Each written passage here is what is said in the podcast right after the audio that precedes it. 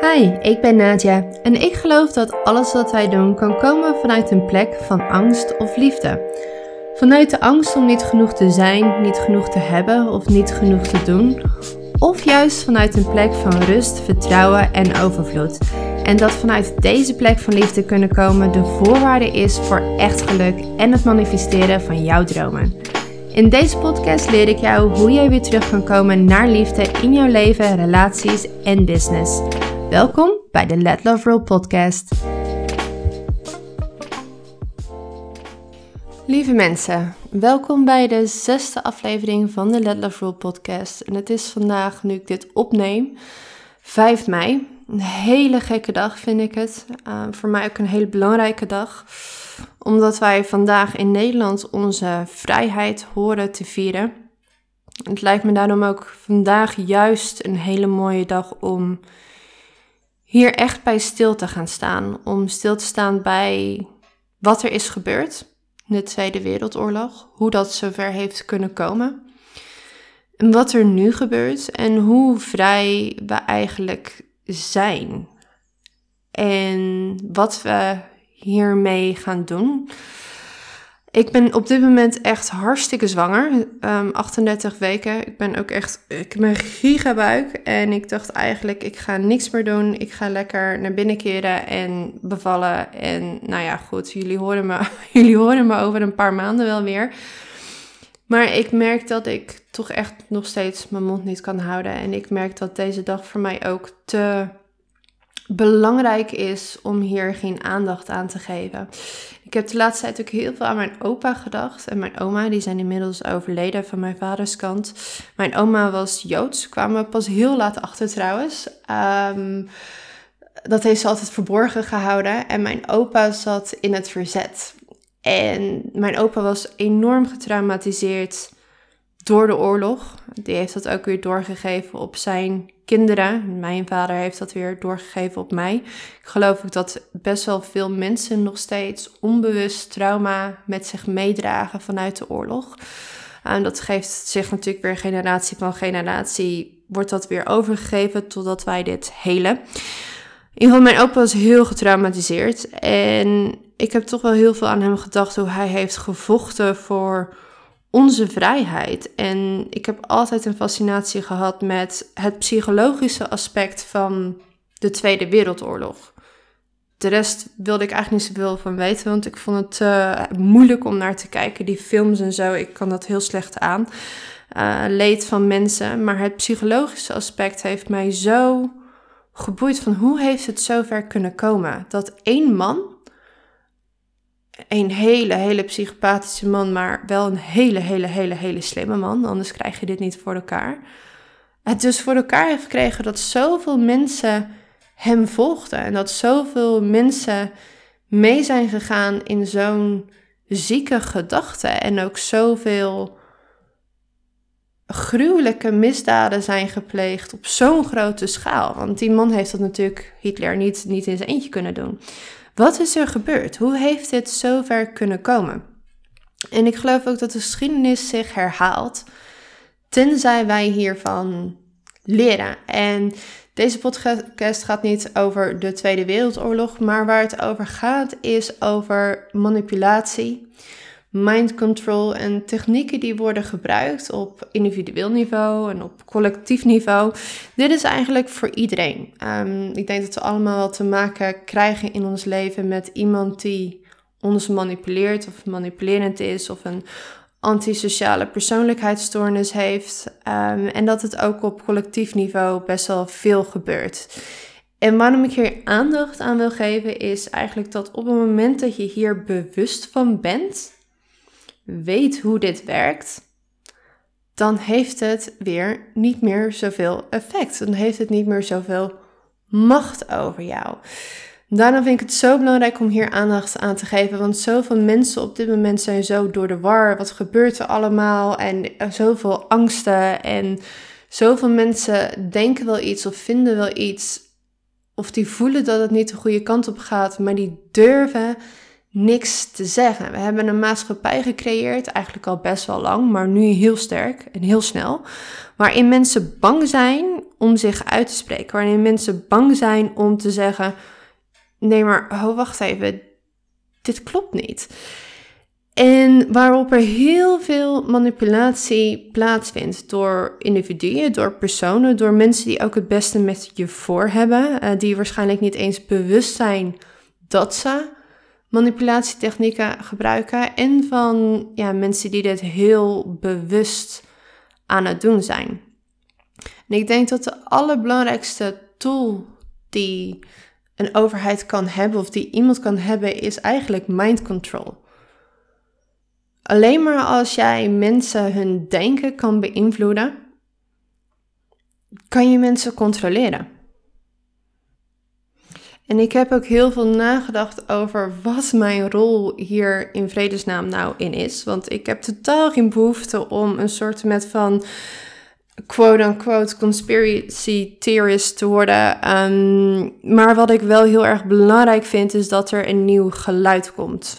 En een geluid die niet voor deze manipulatie valt. En om niet voor deze manipulatie te vallen, zul je in jezelf moeten leren vertrouwen en in jezelf moeten leren geloven en weer dicht bij jezelf komen te staan en kiezen wat voor jou belangrijk is en wat voor jou waarheid is en je bewustzijn van wanneer iets manipulerend is, zodat jij kan kiezen of jij je laat manipuleren. Want dat is eigenlijk waar het om gaat. Het werkt niet tenzij jij ervoor kiest om het te laten werken. En daarom is dit zo ongelooflijk belangrijk. Want op het moment dat je ergens niet bewust van bent, kan je er niks mee. Dus vandaar dat deze podcast gaat over de verschillende ja, mind control technieken, omdat ik denk dat het zo belangrijk is dat we snappen wat er gaande is, zodat we er niet meer intrappen. En het grappige is dat ik echt het gevoel heb dat ik een soort met van levenslange training heb gehad voor dit moment. Ik, uh, mijn patroon was absoluut narcissistische mannen aantrekken. Dat kwam natuurlijk ook weer bij mijn vader vandaan. En mijn eerste relatie, toen was ik 16. Dat was echt met een narcissistische psychopaat. Dat is ook heel erg uit de hand gelopen. En daarna heb ik eigenlijk best wel ja, veel destructieve relaties aangetrokken. En ik zie mezelf totaal niet als slachtoffer, tenminste niet meer. Zo zag ik mezelf vroeger wel het heeft mij juist heel erg gevormd tot wie ik nu ben. En het heeft mij juist heel erg sterk en heel erg krachtig gemaakt, omdat ik er doorheen heb moeten leven.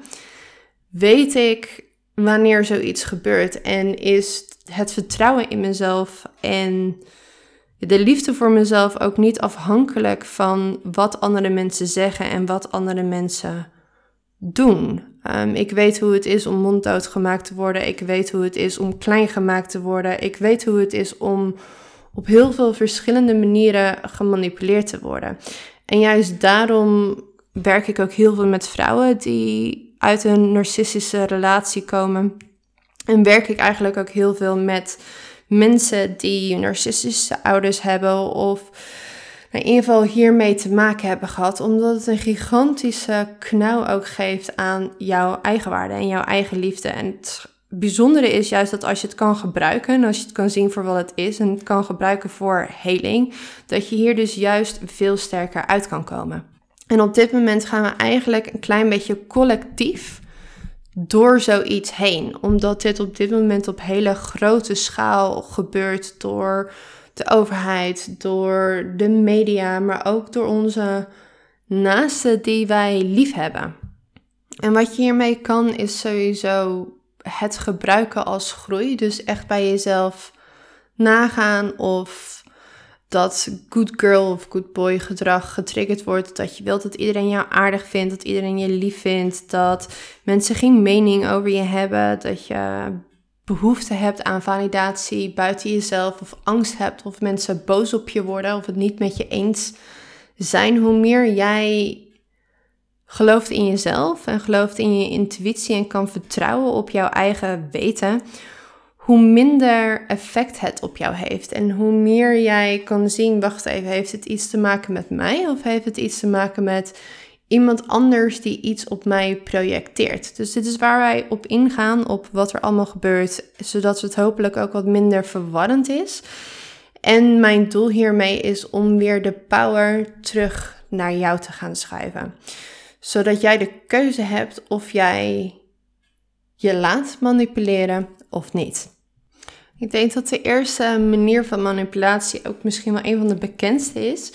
En dat is gaslighting. Op het moment dat jij een uh, relatie hebt met iemand of uh, te maken hebt met iemand, en dat zijn vooral mensen met antisociale persoonlijkheidsstoornissen die dit excessief gebruiken, maar ook mensen zonder persoonlijkheidsstoornis die dit um, te pas of te onpas gebruiken, gaslighting. Het is het compleet ontkennen van iets wat gebeurd is of iets wat gezegd is of van iemands ervaring.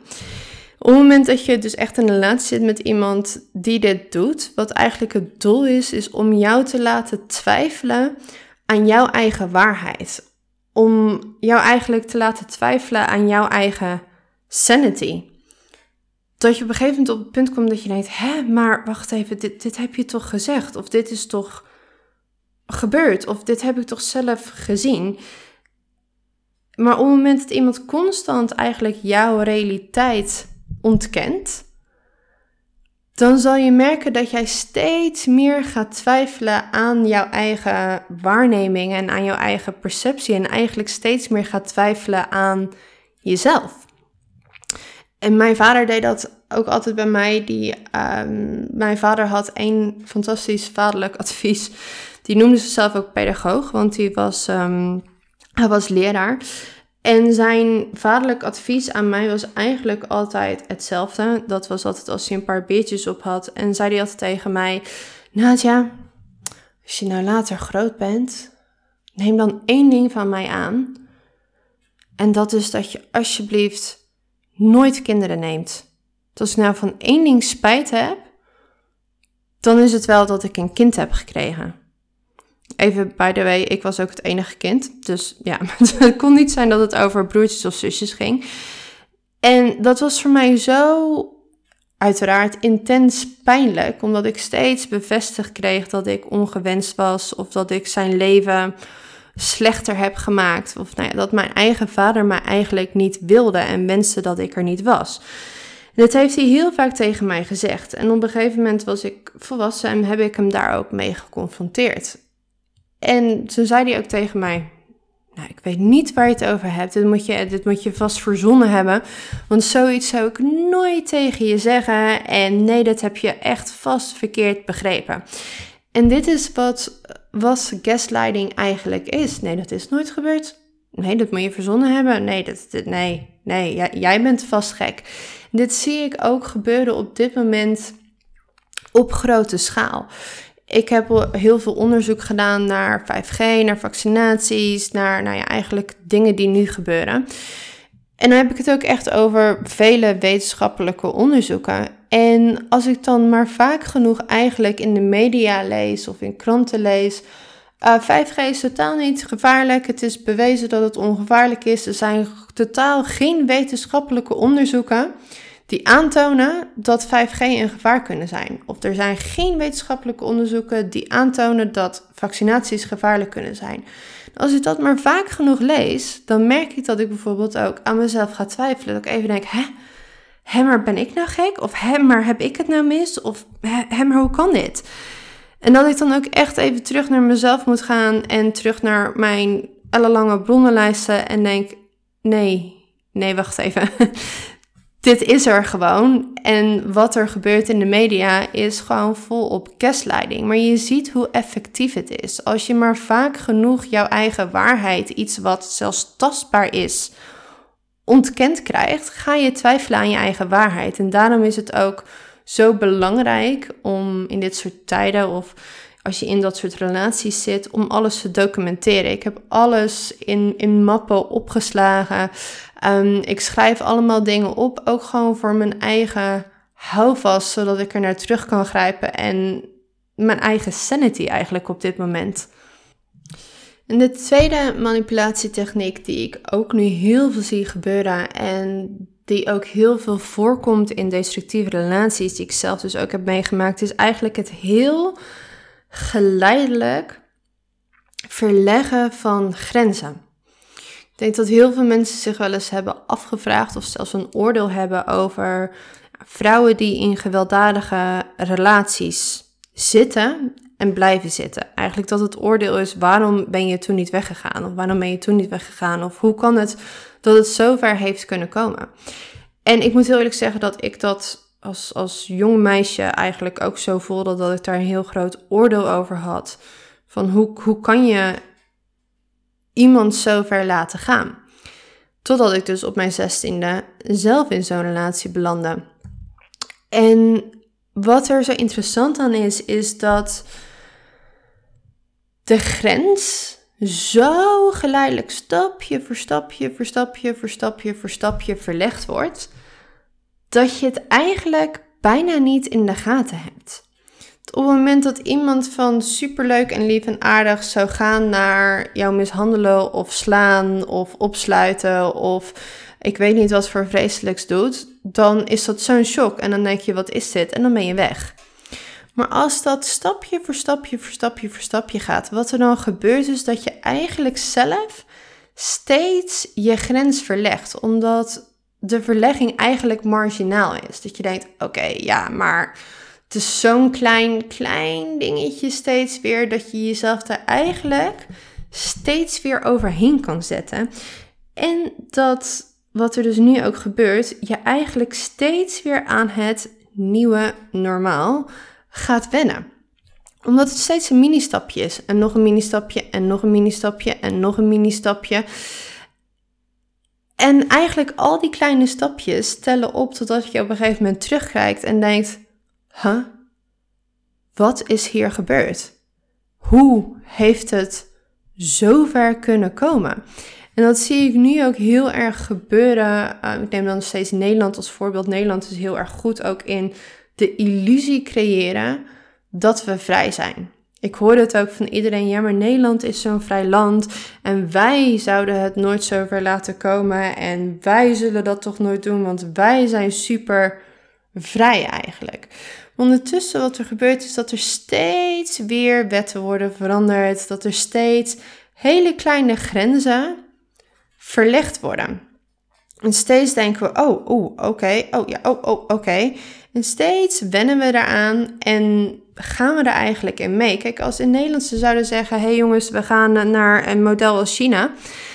En iedereen die krijgt huisarrest en jullie mogen niks meer. En we zetten op iedereen een drone met gezichtscontrole en we voeren een sociaal systeem in van straffen en belonen.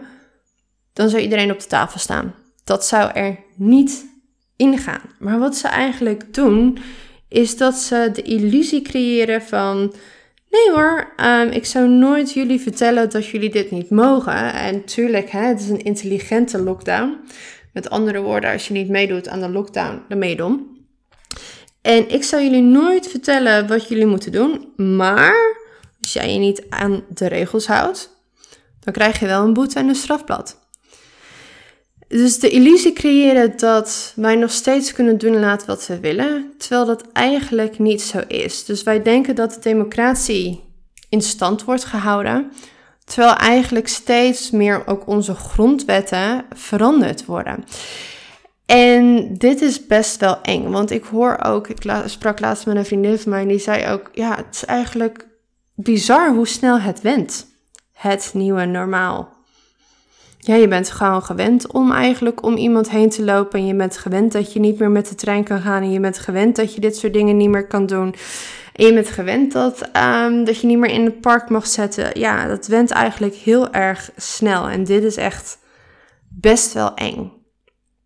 Want als wij wennen aan dit nieuwe normaal, wat alles behalve normaal is, kan er steeds weer eigenlijk een grens verlegd worden totdat we terugkijken en denken oké, maar wacht even, dit gaat echt te ver. Maar op het moment dat je dan denkt, het gaat te ver, ben je vaak al te laat. Het is eigenlijk een dead by thousand cuts. En er is een uitspraak van Hitler. Ik kon hem niet verifiëren, maar hij moet van Hitler komen en die zegt: de beste manier om controle te krijgen over een populatie is stapje voor stapje hun vrijheid af te nemen zonder dat ze het doorhebben. Dus het moet geleidelijk genoeg gaan. De derde techniek die ik zie die heel veel voorkomt is projectie. We kennen denk ik allemaal projectie wel. Iemand die doet iets en die verwijt jou precies van hetgene wat diegene doet, zeg maar. Het is heel verwarrend. Je denkt ook, hè, wat, wat, wat gebeurt hier? Dus als iemand bijvoorbeeld heel erg controlerend is, word jij verweten dat jij degene bent die controlerend bent.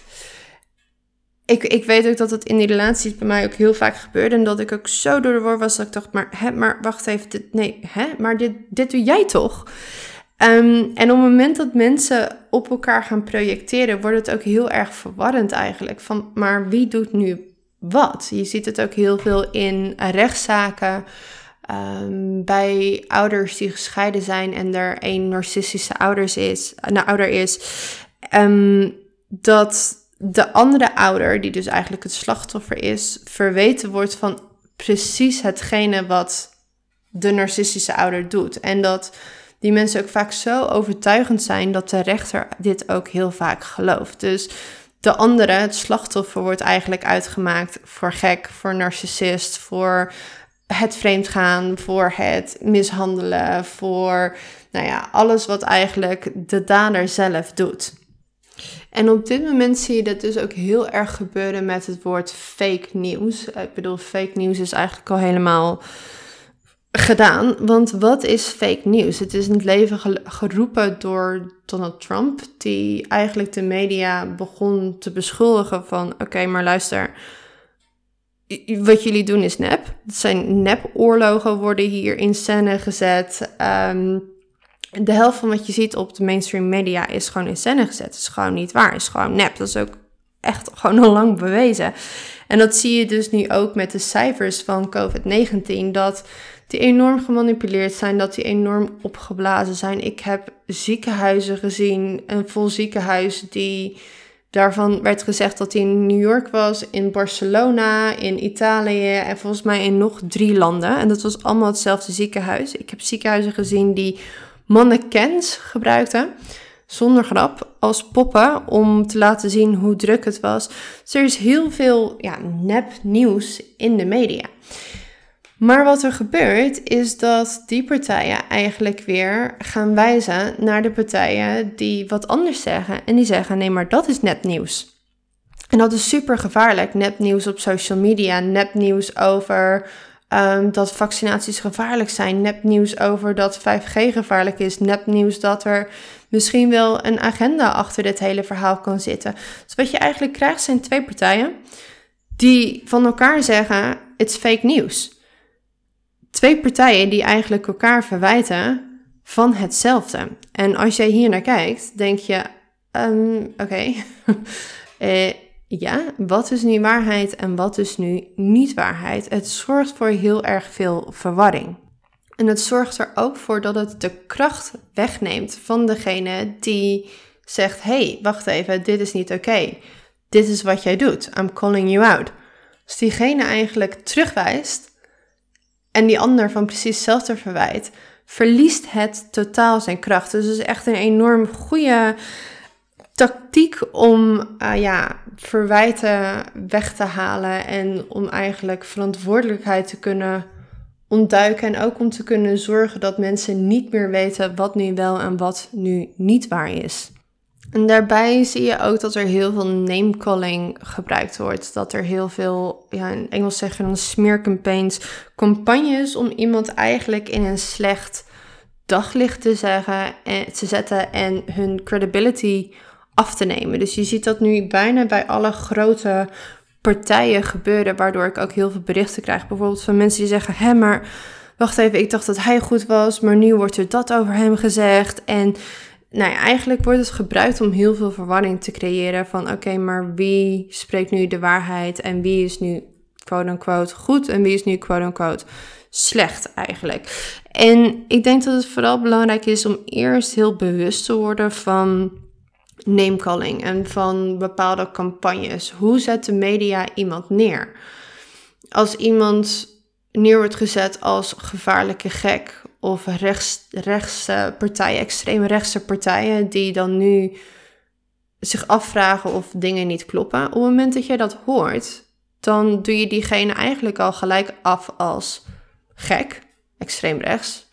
Of wat er ook gebeurt is dat je denkt, oh maar wacht even, daar wil ik niet bij horen. Want dat ben ik niet.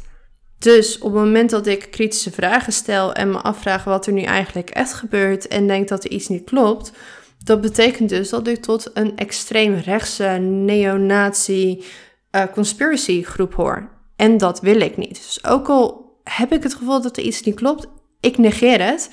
Want ik wil daar niet bij horen en ik wil zeker niet dat label van andere mensen krijgen.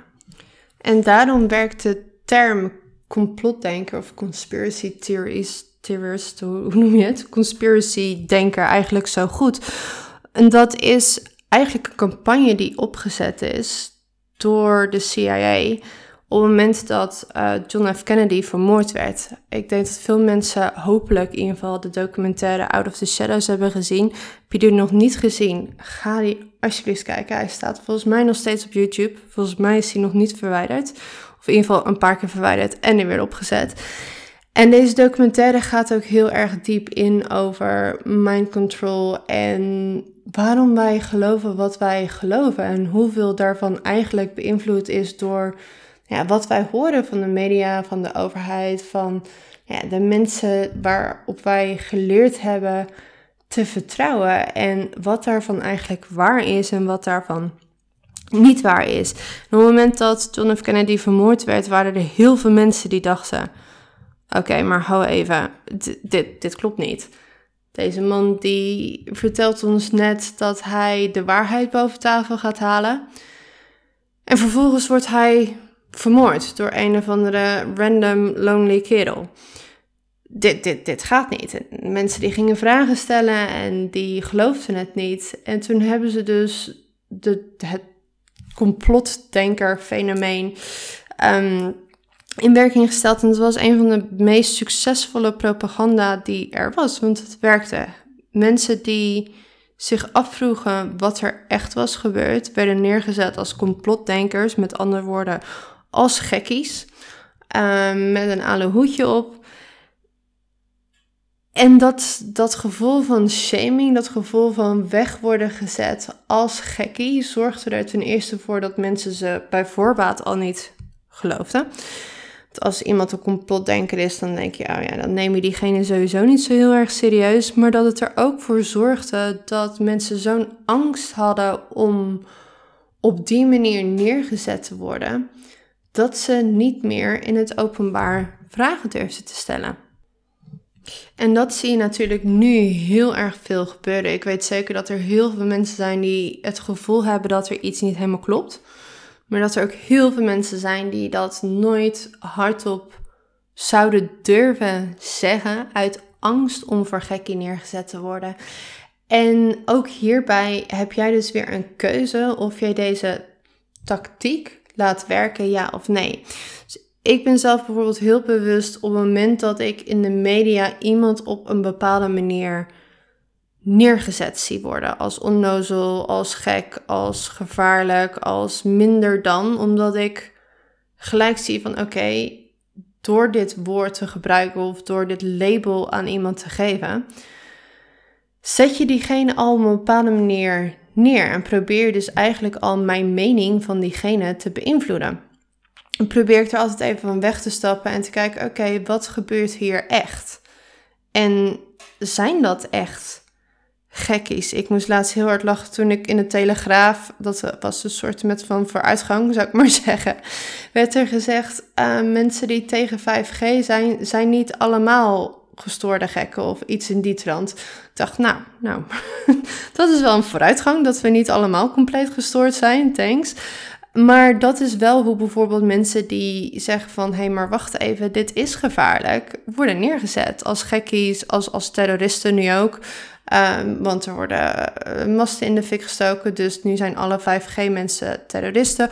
Of, wat helemaal gemeen is... is dat ze zeggen, oké, maar... Um, gekke complotdenkers zeggen dat 5G hetzelfde is als het coronavirus. Een hypothese die ik bijvoorbeeld ook niet kan ondersteunen of waar ik inderdaad geen bewijs voor zie en wat ik zelf ook niet geloof. En daarbij gaan ze voorbij aan het feit dat er dus gewoon een overvloed aan onderzoek is die zegt dat het hartstikke gevaarlijk is. Waardoor ze dat ze alleen maar laten zien, gekke mensen denken dat het virus hetzelfde is als 5G, vestigen ze daar de aandacht op. En wat ze dus ook doen, is dat op het moment dat jij je durft uitspreken tegenover 5G, dat je eigenlijk een angst hebt om voor gek neer te worden gezet. En om eigenlijk gewoon gelijk weggewuifd te worden. En dat mensen zich eigenlijk liever niet meer erover uitspreken of eigenlijk liever niks meer erover willen delen uit angst dus voor oordeel van wat andere mensen denken. Met andere woorden, de media heeft hiermee eigenlijk weer zijn zin gekregen.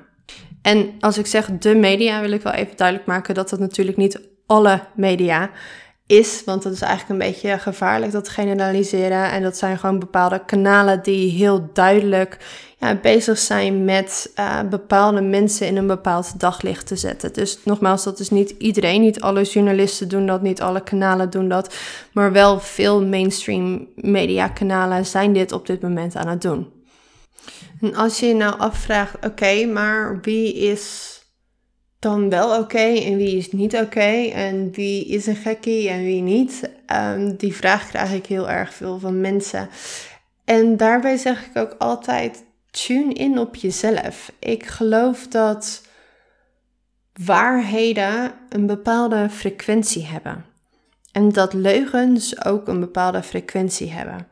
Dat mensen met slechte intenties een bepaalde frequentie hebben en mensen met goede intenties een bepaalde frequentie hebben. En dat als je echt intunt op jezelf en naar iemand luistert en eventjes voorbij gaat aan de agenda die jij misschien geconformeerd wilt hebben omdat jij een bepaald geloof hebt, dat je kan voelen wie een boodschap heeft dat echt met jou resoneert. Ook al is die boodschap misschien eng, ook al is het misschien niet wat je wilt horen, ook al is diegene misschien in een daglicht gezegd, gezet waarvan jij denkt, ja maar hè, dat, dat past niet bij mijn overtuigingen. Ik geloof echt dat je in deze tijd zeker de mensen die opkomen voor een bepaalde waarheid, dat je kan intunen en kan voelen of die mensen de beste intenties hebben of niet. Of dat die mensen een waarheid spreken ja of nee. En dat het ook voor iedereen zelf te bepalen is dat ik niet kon zeggen: hey, die man spreekt de waarheid en die man spreekt niet de waarheid. Ik denk dat het vooral belangrijk is om in te tunen wat voor jouzelf resoneert. Wat voor jouzelf voelt alsof dit klopt. Voelt alsof dit een persoon is die integer is of een persoon is die een agenda heeft. En wij, wij zijn eigenlijk gewoon leugendetectors. Ons lichaam voelt precies aan wat klopt en wat niet klopt. Het enige, het enige wat we moeten doen is daar weer mee in contact komen. En dit is een hele mooie tijd om dit te gaan oefenen.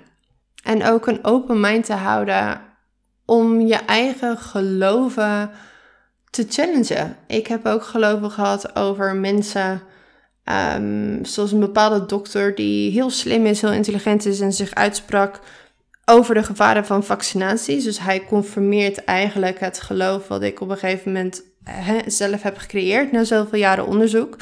Maar als ik echt intunde op zijn frequentie, voelde het niet goed. En moest ik er later ook eigenlijk achter komen of voor mezelf ja, toegeven dat ik denk: oké, deze man heeft niet de beste intenties of deze man heeft een bepaalde agenda.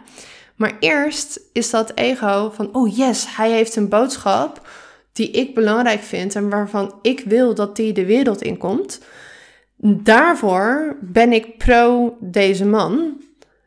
Terwijl als je daar even aan voorbij gaat, kan je eigenlijk voelen: wacht, voelt, voelt dit als een, een goede energie of voelt het als een slechte energie? En daarom is het ook belangrijk dat als je het hebt over intunen, dat je altijd eerst even voorbij je ego moet gaan. En hetzelfde met Trump. Trump. Het woord Trump is echt al trigger town. Daar haken heel veel mensen af. Op het moment dat ik ehm, het over Trump heb, die man die heb ik echt altijd, nou ja, gehaat is een groot woord, maar oh, wat vond ik die man toch verschrikkelijk. Op, op elke manier denkbaar echt verschrikkelijk. heel erg anti, anti, anti, anti, anti Trump.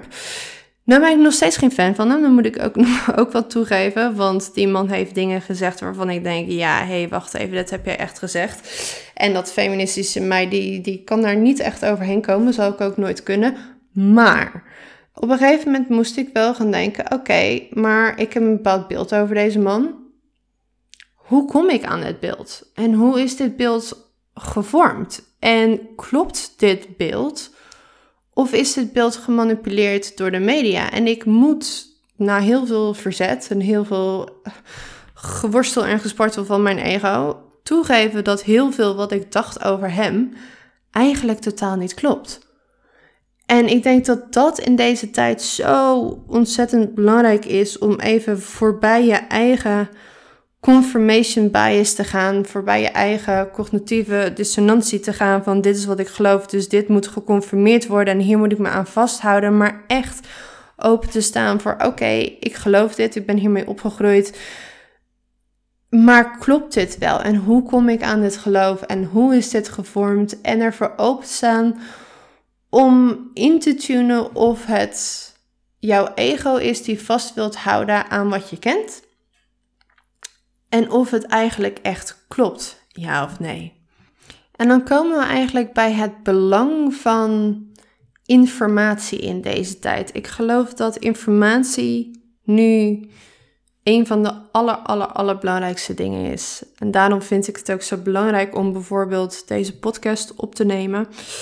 Daarom vind ik het ook zo belangrijk om jezelf, ondanks de angst en ondanks alle manipulatie die gaande is, toch uit te spreken.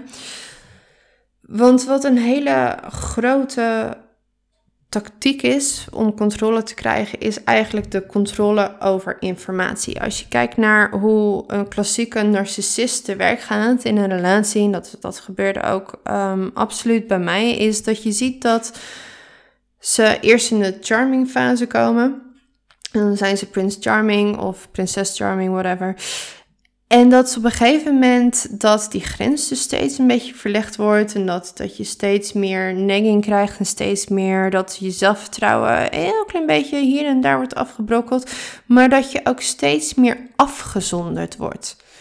Dat je afgezonderd wordt van je vrienden, van je familie. Dat je steeds meer mensen kwijtraakt, niet meer ziet, niet meer spreekt. Of dat je uh, gaat geloven dat die mensen toch niet goed voor jou zijn. Of dat je steeds ruzie krijgt op het moment dat je met die vriendin omgaat. Of nou ja, dat, dat je op een gegeven moment denkt van, hmm, wacht even, waar, waar is iedereen gebleven? En dat de enige stem, de enige mening die jij nog hoort, de mening is van een narcissist.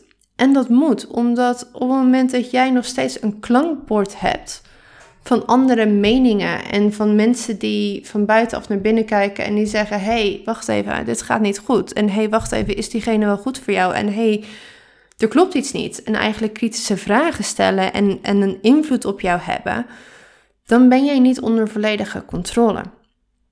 Dus mensen moeten afgezonderd worden om volledig mee te kunnen gaan in iemands agenda. En zo zie je ook dat in dat soort relaties. Je denkt, maar hoe kan jij, hoe kan jij zo lang in zo'n relatie blijven?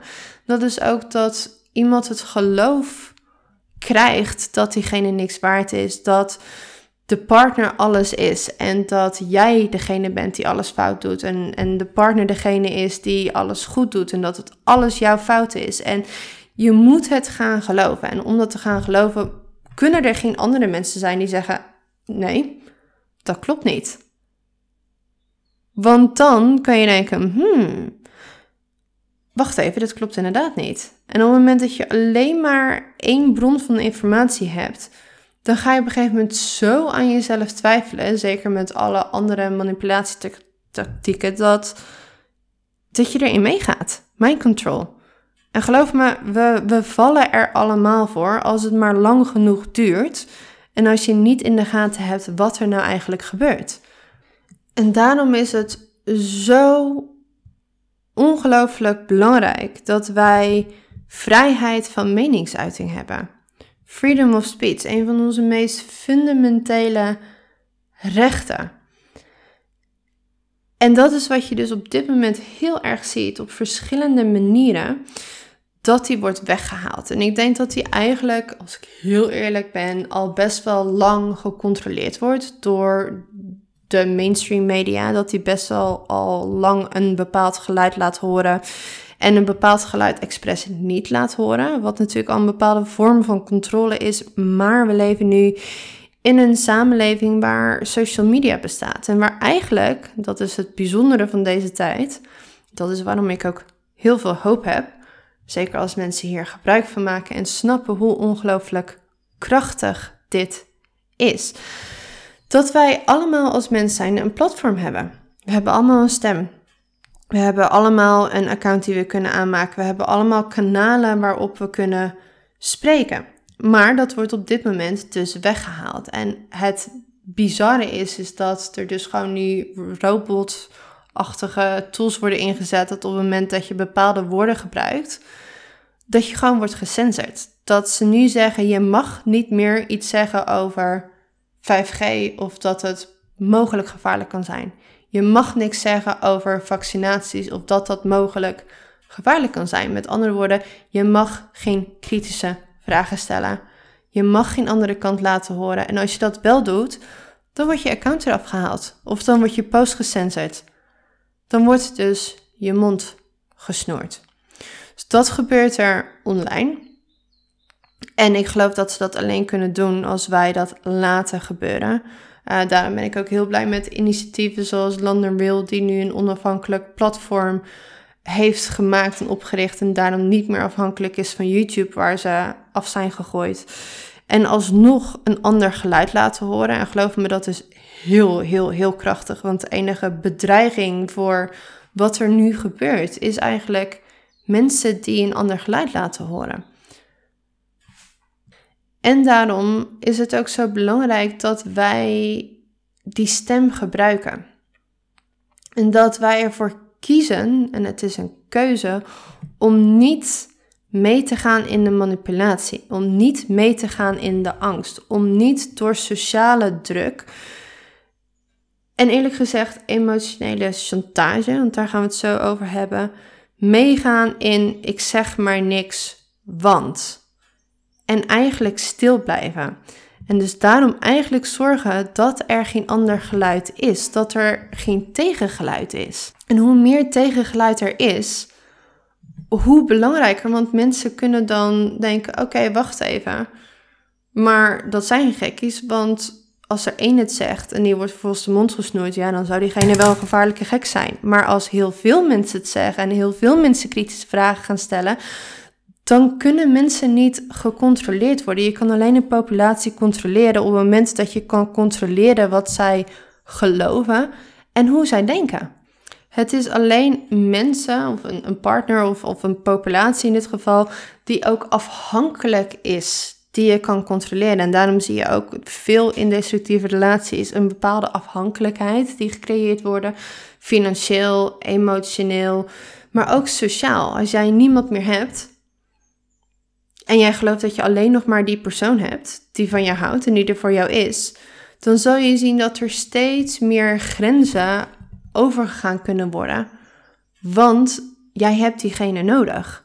Of tenminste, jij hebt de illusie die gecreëerd is dat jij diegene nodig hebt. Dit zie je overigens nu ook heel veel gebeuren.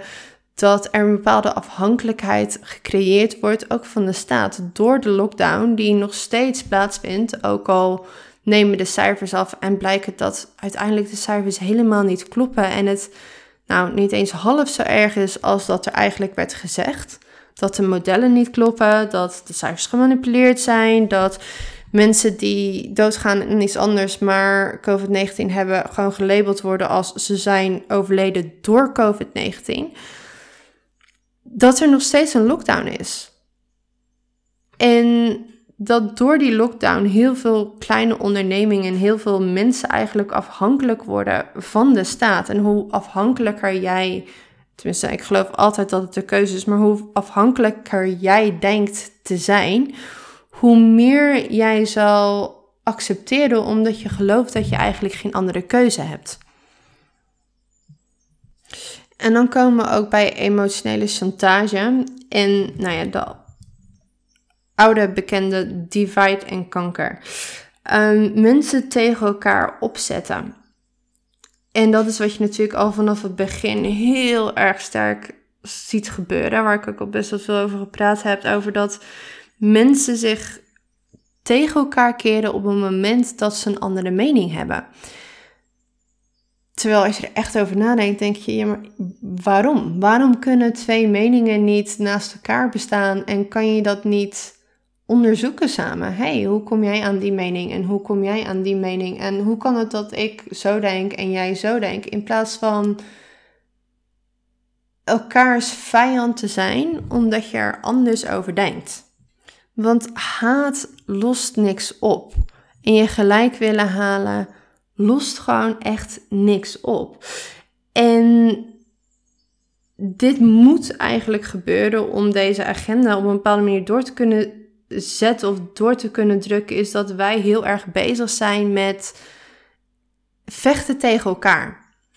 En elkaar manipuleren en boos zijn op elkaar op een moment dat ja, jij niet doet wat diegene vindt dat jij moet doen. En daardoor moet er ook een bepaalde emotionele chantage bestaan en moet er ook iemand de schuld eigenlijk krijgen dat um, een ander niet veilig is. Er moet meer separatie ontstaan, er moet meer polarisatie ontstaan. Iets wat je ziet dat al heel lang gebeurt. Het is uh, rassen die tegen elkaar zijn, uh, genders die tegen elkaar zijn. Het zijn geloven die elkaar bevechten, terwijl het één grote illusie is, want we zijn allemaal één. En daarom vind ik het ook zo moeilijk als ik heel veel mensen heel boos ziet worden op elkaar. Of heel boos ziet worden als iemand zich durft uit te spreken en een andere mening heeft. En ook dit zie je weer heel erg gebeuren in ook de media. Ik zag laatst een artikel die een foto had van de straat waar weer wat meer mensen op waren en als titel een dikke middelvinger naar de zorg. Het is natuurlijk heel erg manipulerend. Zo van deze mensen zorgen ervoor dat jullie niet gerespecteerd worden of dat jullie niet veilig zijn. En dan kom ik natuurlijk ook bij de emotionele chantage die nu plaatsvindt. Ik denk dat de zin, de vrijheid van de een mag niet ten koste gaan van de veiligheid van de ander echt de geschiedenisboeken ingaat. Voel ook maar eens hoe, hoe naar dat voelt. Want eigenlijk wat er gezegd wordt is, als jij het er niet mee eens bent en jij jouw vrijheid wel belangrijker vindt en niet eens per se jouw vrijheid op zich, want ik bedoel, ik zou het echt geen probleem vinden om nog een jaar in deze lockdown te zetten. Ik ben hier echt voor gemaakt.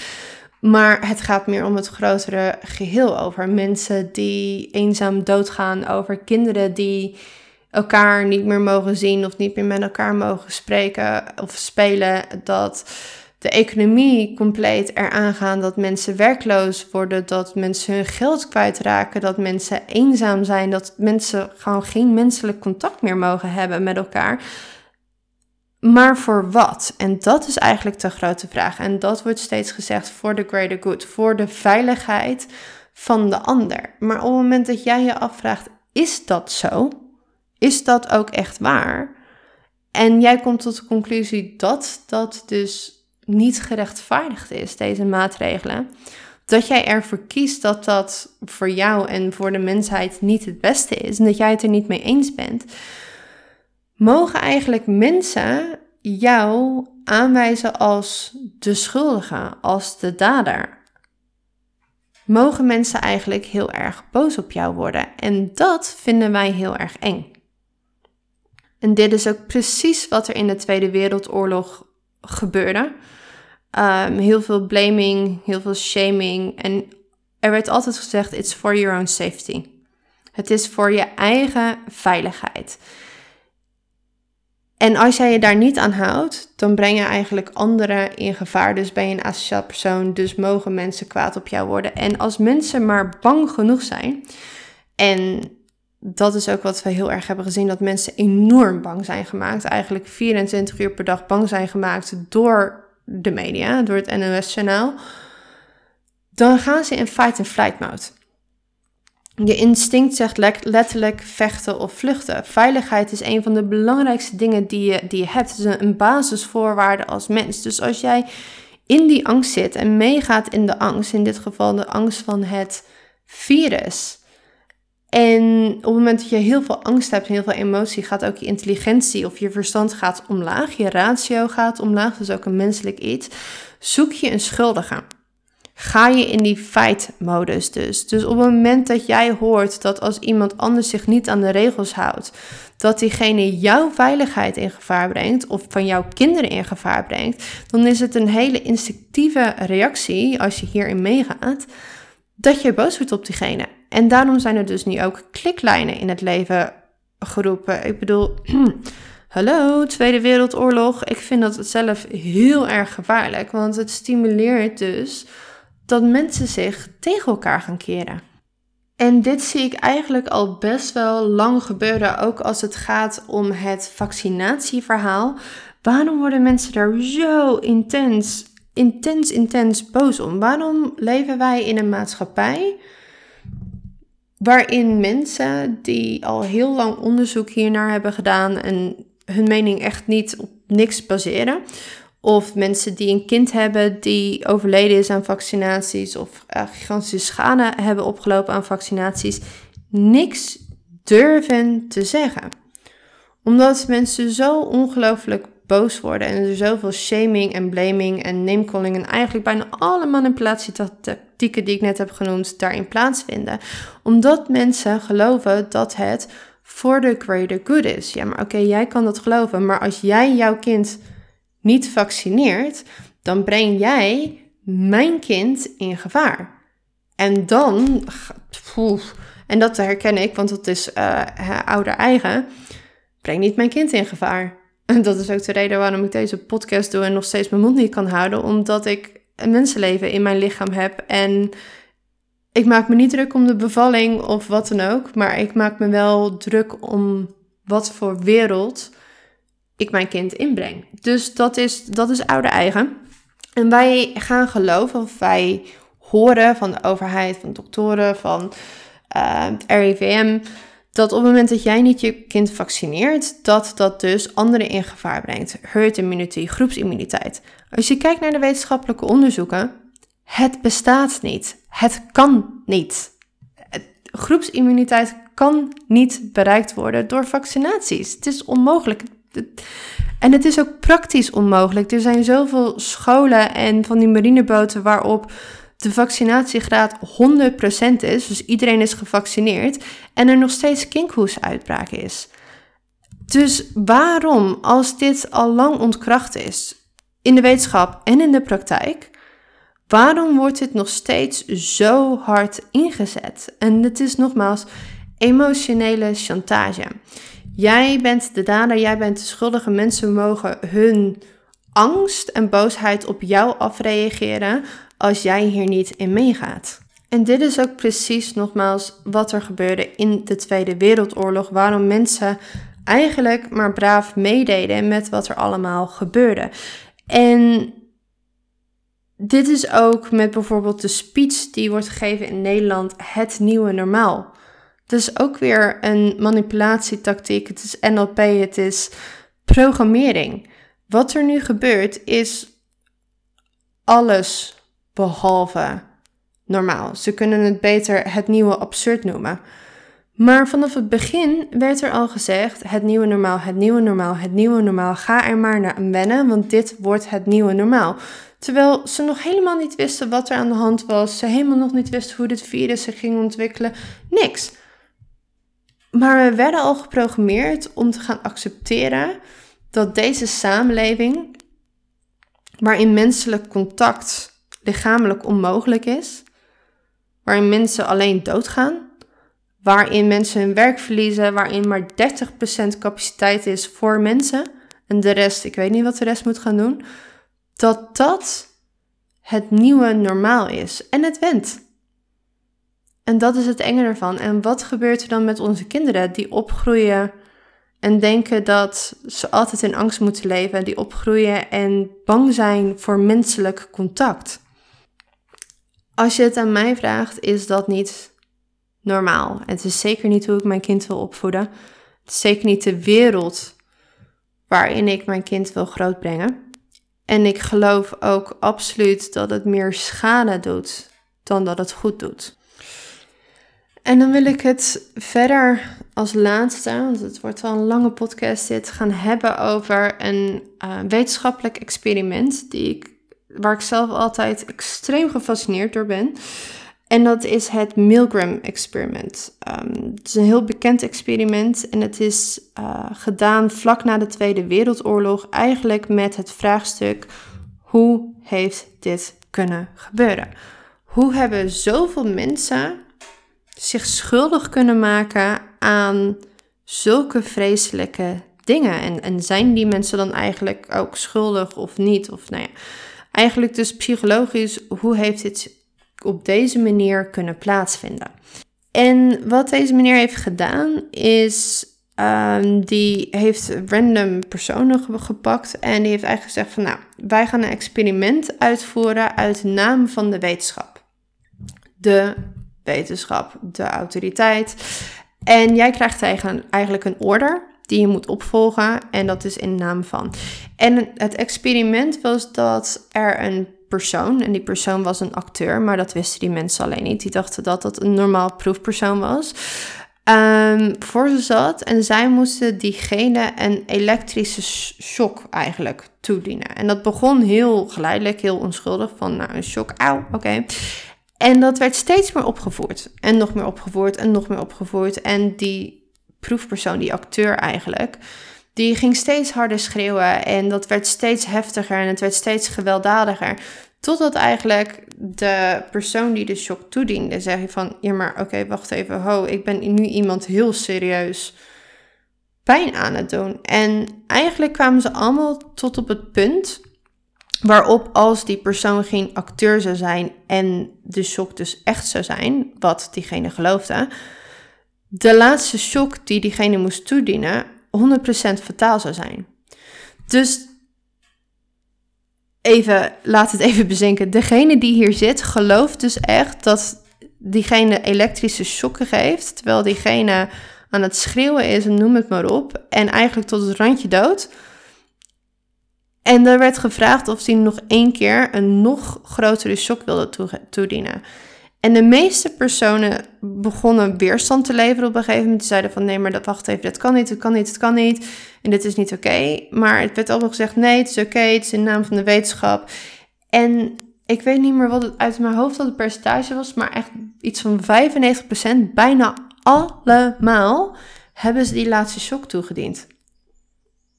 Terwijl ze echt geloofden dat dit dus echt was. Uit naam van de wetenschap.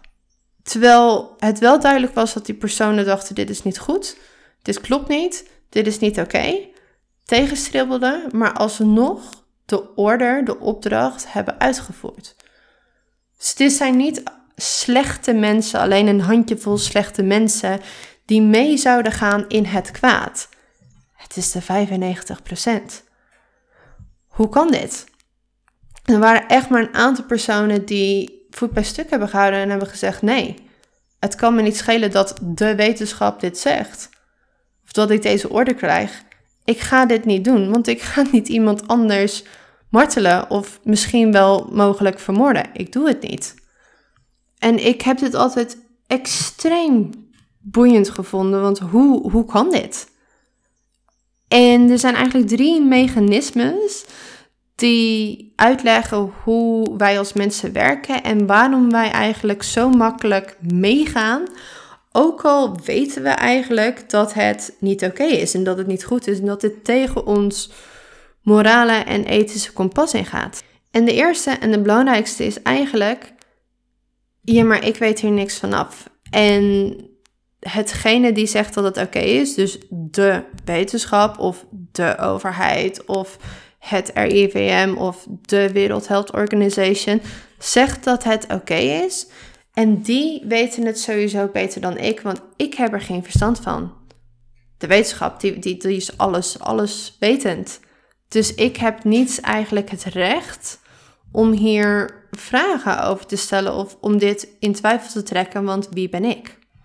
En dit is trouwens ook een van de redenen waarom ik het heel erg vind als mensen zeggen, want die opmerking heb ik ook een paar keer gekregen. Waarom deel jij hier wat over? Want jij weet er niks over. Jij bent geen dokter, of jij bent geen wetenschapper, of jij bent geen whatever, de WHO of het RIVM.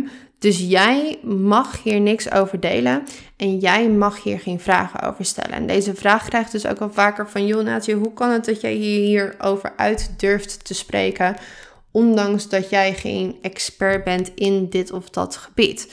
En dat is omdat ik geloof dat iedereen kritische vragen mag stellen. Dat iedereen bronnen mag delen die wel legitiem zijn, die iets totaal anders zeggen. Dat iedereen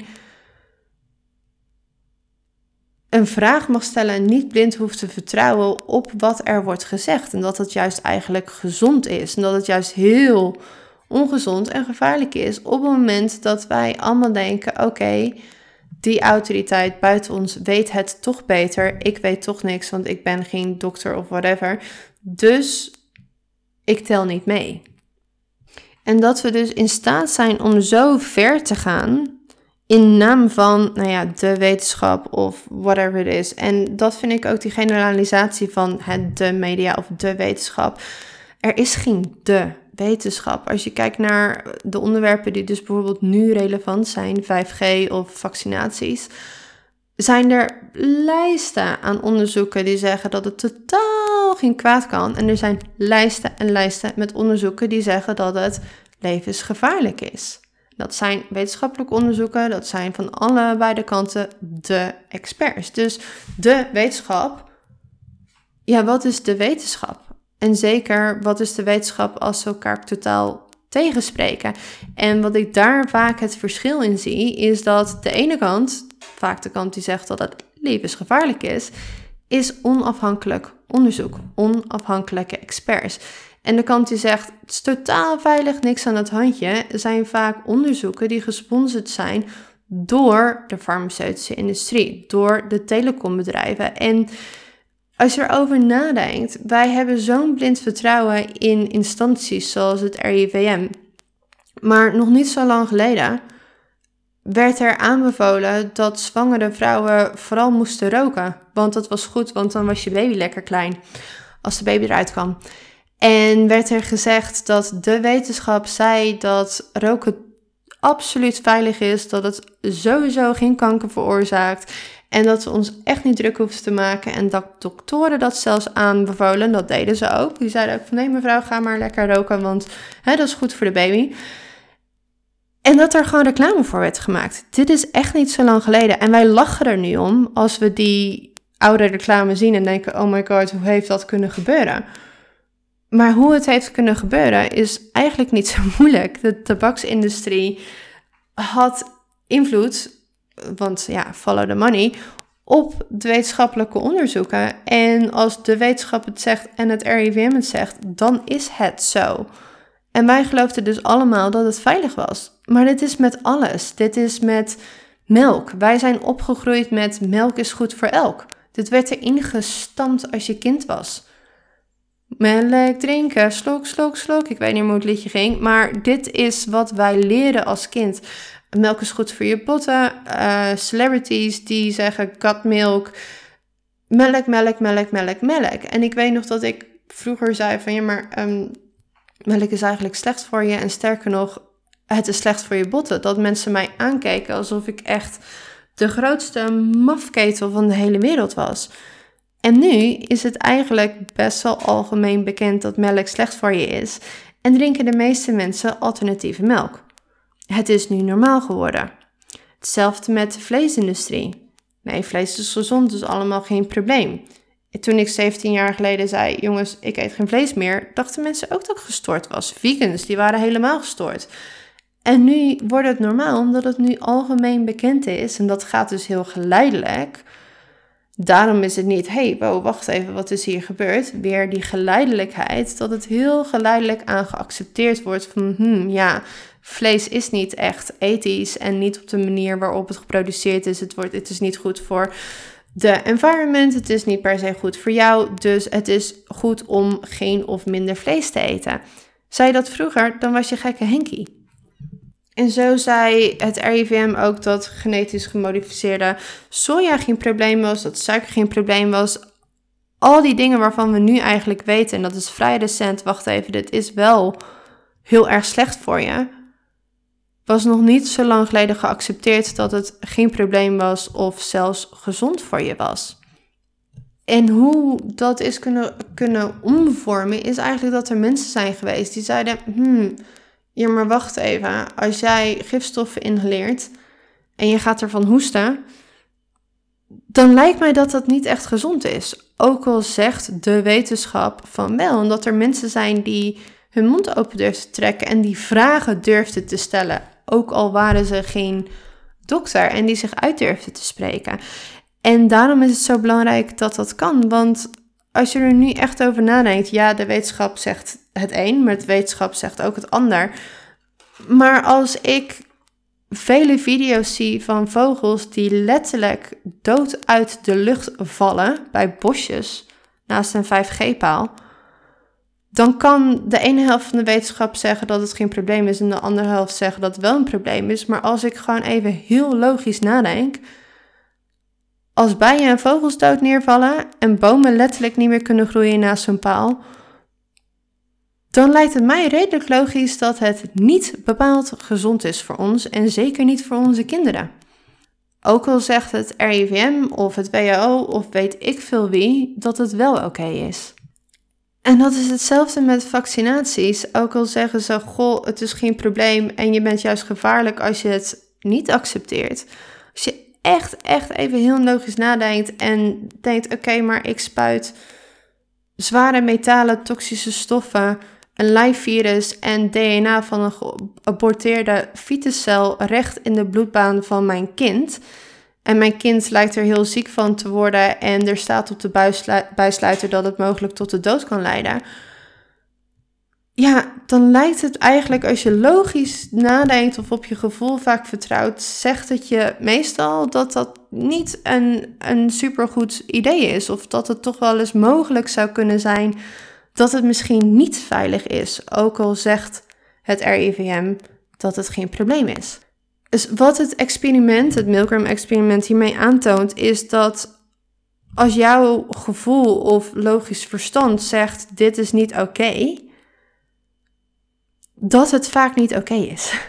Ook al zegt een autoriteit dat het wel oké is en dat wij echt, ook al zijn wij geen dokter en ook al zijn wij niet de World Health Organization, het recht hebben om hier kritische vragen over te stellen en om op onszelf te vertrouwen en op ons gevoel te vertrouwen en op onze intuïtie te vertrouwen. Tweede mechanisme wat in het experiment plaatsvindt is verantwoordelijkheid. Een hele belangrijke in deze tijd. Eigenlijk wat er gebeurt is dat verantwoordelijkheid wordt afgeschoven. Ik kan er niks aan doen, want ik krijg orders van de wetenschap of mijn baas of de overheid of whatever. Dus ook al weet ik eigenlijk zelf wel dat het niet ethisch is en dat het niet oké is en dat het indruist tegen mijn menselijkheid, want het zit niet van nature in de mens om een ander mens kwaad te doen. Geven eigenlijk heel onze macht en heel onze kracht weg en heel onze verantwoordelijkheid weg en dragen we die over aan wat er in onze beleving boven ons staat. En vinden we het belangrijker, onbewust, dat wij de orders die wij krijgen opvolgen. En daarom is het ook zo belangrijk dat we hier naar kijken, want uiteindelijk komt uh, Bill Gates niet bij jouw deur aankloppen om een vaccinatie in je lichaam te dwingen. Het zijn onze buren, onze vrienden, onze vriendinnen, onze ooms en tantes of ouders die uiteindelijk de opdrachten, die misschien totaal niet ethisch zijn, uit gaan voeren omdat zij geloven dat ze handelen uit the greater good. Of dat zij geloven dat zij orders moeten opvolgen, ook al vertelt hun morele kompas dat het niet helemaal klopt. En het derde mechanisme wat plaatsvindt, wat ik denk dat misschien wel het allerbelangrijkste is, en waar ik het in de vorige podcast ook over had, is dat wij zo geconditioneerd zijn om te geloven dat de structuren en de systemen waar wij mee zijn opgegroeid, de overheid, de wetenschap, het WHO, noem het maar op, dat zij het weten en het aller allerbeste met ons voor hebben. En dat het heel moeilijk is om te geloven dat een industrie corrupt is of dat een overheid corrupt is. En dat meerdere experimenten, maar waaronder het Milgram-experiment eigenlijk heeft aangetoond, maar ook de geschiedenis heeft aangetoond dat dit zo diep indruist tegen wat wij geloven. En ook wat wij willen geloven, want het gaat natuurlijk om onze veiligheid. We zijn bang, dus we willen dat iemand ons komt redden. En als wij willen dat iemand ons komt redden, dan is dat vaak hè, de overheid of iets buiten ons. Dus we geven die macht dan ook vaak maar al te graag weg in plaats van zelf verantwoordelijkheid te nemen voor onze eigen veiligheid. Dus we willen het vaak ook niet geloven. Maar het idee dat er corruptie achter kan zitten of dat degene die ons zou moeten komen redden niet het aller, aller, allerbeste met ons welzijn voor heeft, gaat volledig in tegen, ja, tegen waar wij mee zijn opgegroeid. Dus ook al zijn er zeer overtuigende bewijzen, zoals bijvoorbeeld in het experiment, dat het niet oké is. Het is recht voor je neus. Je bent eigenlijk in jouw beleving iemand aan het martelen. Geloof je nog steeds dat wat jij doet, dit experiment in dit geval, voor de greater good is? In naam van de wetenschap. Dat je iets goed doet omdat de wetenschap het in dit geval van dit experiment zegt. En ik denk dat het ook het geval is geweest in de Tweede Wereldoorlog dat wij, of wij, dat de mensen gewoon mee zijn gegaan naar die kampen en dat er mensen misschien zeiden, ja, daar waren gaskamers. Nou, ik denk dat je last schoot. Want dat is toch te absurd om te geloven dat een overheid zo kwaad kan zijn. Of zo evil kan zijn. Of dat een overheid niet het beste met jou voor heeft. En nou zeg ik niet dat onze overheid ons naar de gastkamers gaat brengen, maar het gaat om het psychologische proces dat wij bewust zijn van ons denken en hoe onze mind eigenlijk werkt en waarom het zo lastig is om bepaalde dingen te geloven of bepaalde dingen in twijfel te trekken. En dat het zeker in deze tijd, zeker vandaag 5 mei, en met wat er nu allemaal gebeurt, heel erg belangrijk is om ons bewust te zijn van deze, mechanismes die wij allemaal hebben als mens zijnde. Want we zijn allemaal mensen, we zijn allemaal op een bepaalde manier geprogrammeerd. Zodat wij een keuze hebben of wij daaraan meedoen of niet. Zodat we een keuze hebben of we ons laten manipuleren of niet. Zodat we een keuze hebben of wij onze stem gaan gebruiken of niet. Want zoals ik volgens mij in elke podcast of in elk bericht zet, alle controle en alle macht buiten jou is een illusie. Je hebt altijd zelf een keuze. En op de grote vraag hoe ga je dan om met deze manipulatie is voor mij in ieder geval het zien van een mogelijkheid tot groei. Dus op het moment dat ik berichten binnenkrijg of messages binnenkrijg of voel dat ik gemanipuleerd word door iets, door iemand, door de media, dat ik bij mezelf incheck. Dat ik vaak voel dat mijn borst verkrampt of mijn buik verkrampt. En dat ik altijd eerst incheck, oké, wacht even. Heb ik nu iets gezegd of heb ik iets gedaan of heb ik een mening die niet... Die niet de mensheid dient. Ook al denk ik misschien van wel. Klopt het wat ik nu zeg? Heb ik het recht om deze vraag te stellen? En ik check het altijd eerst bij mezelf. En eigenlijk bijna altijd komt erop neer dat ik niet zomaar wat zeg en dat ik denk, ja, nee, ik vind het echt heel erg belangrijk dat dit gehoord wordt. Of ik vind het echt heel erg belangrijk dat, dat mensen hier naar kijken of dat er een tegengeluid komt.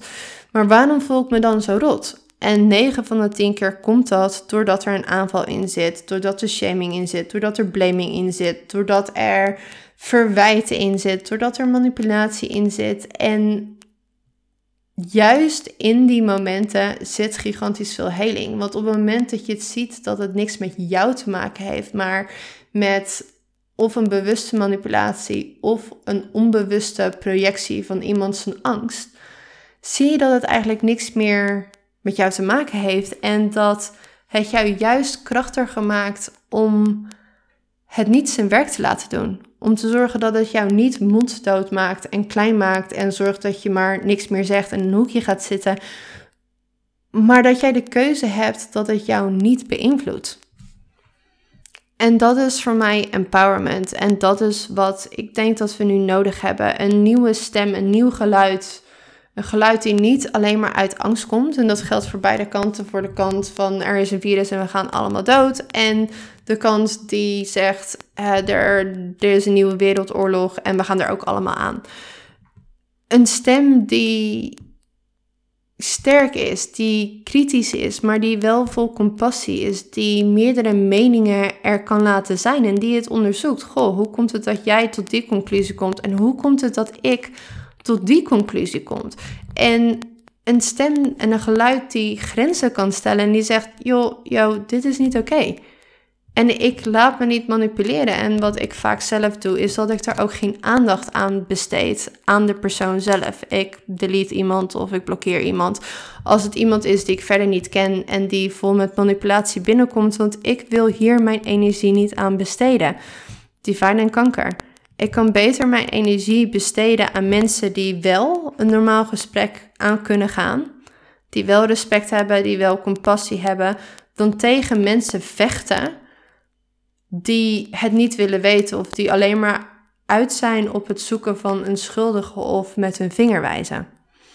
Dus ook weer in al deze manipulatie en al, nou ja, alle nare dingen die op dit moment gebeuren en alle verwarring die het veroorzaakt, denk ik juist dat hier ook collectief weer enorm veel heling zet. En ook weer een kans om dichter naar jezelf toe te gaan komen en ook op te gaan staan voor wat voor jou belangrijk is. Want het maakt wel degelijk een heel erg groot verschil.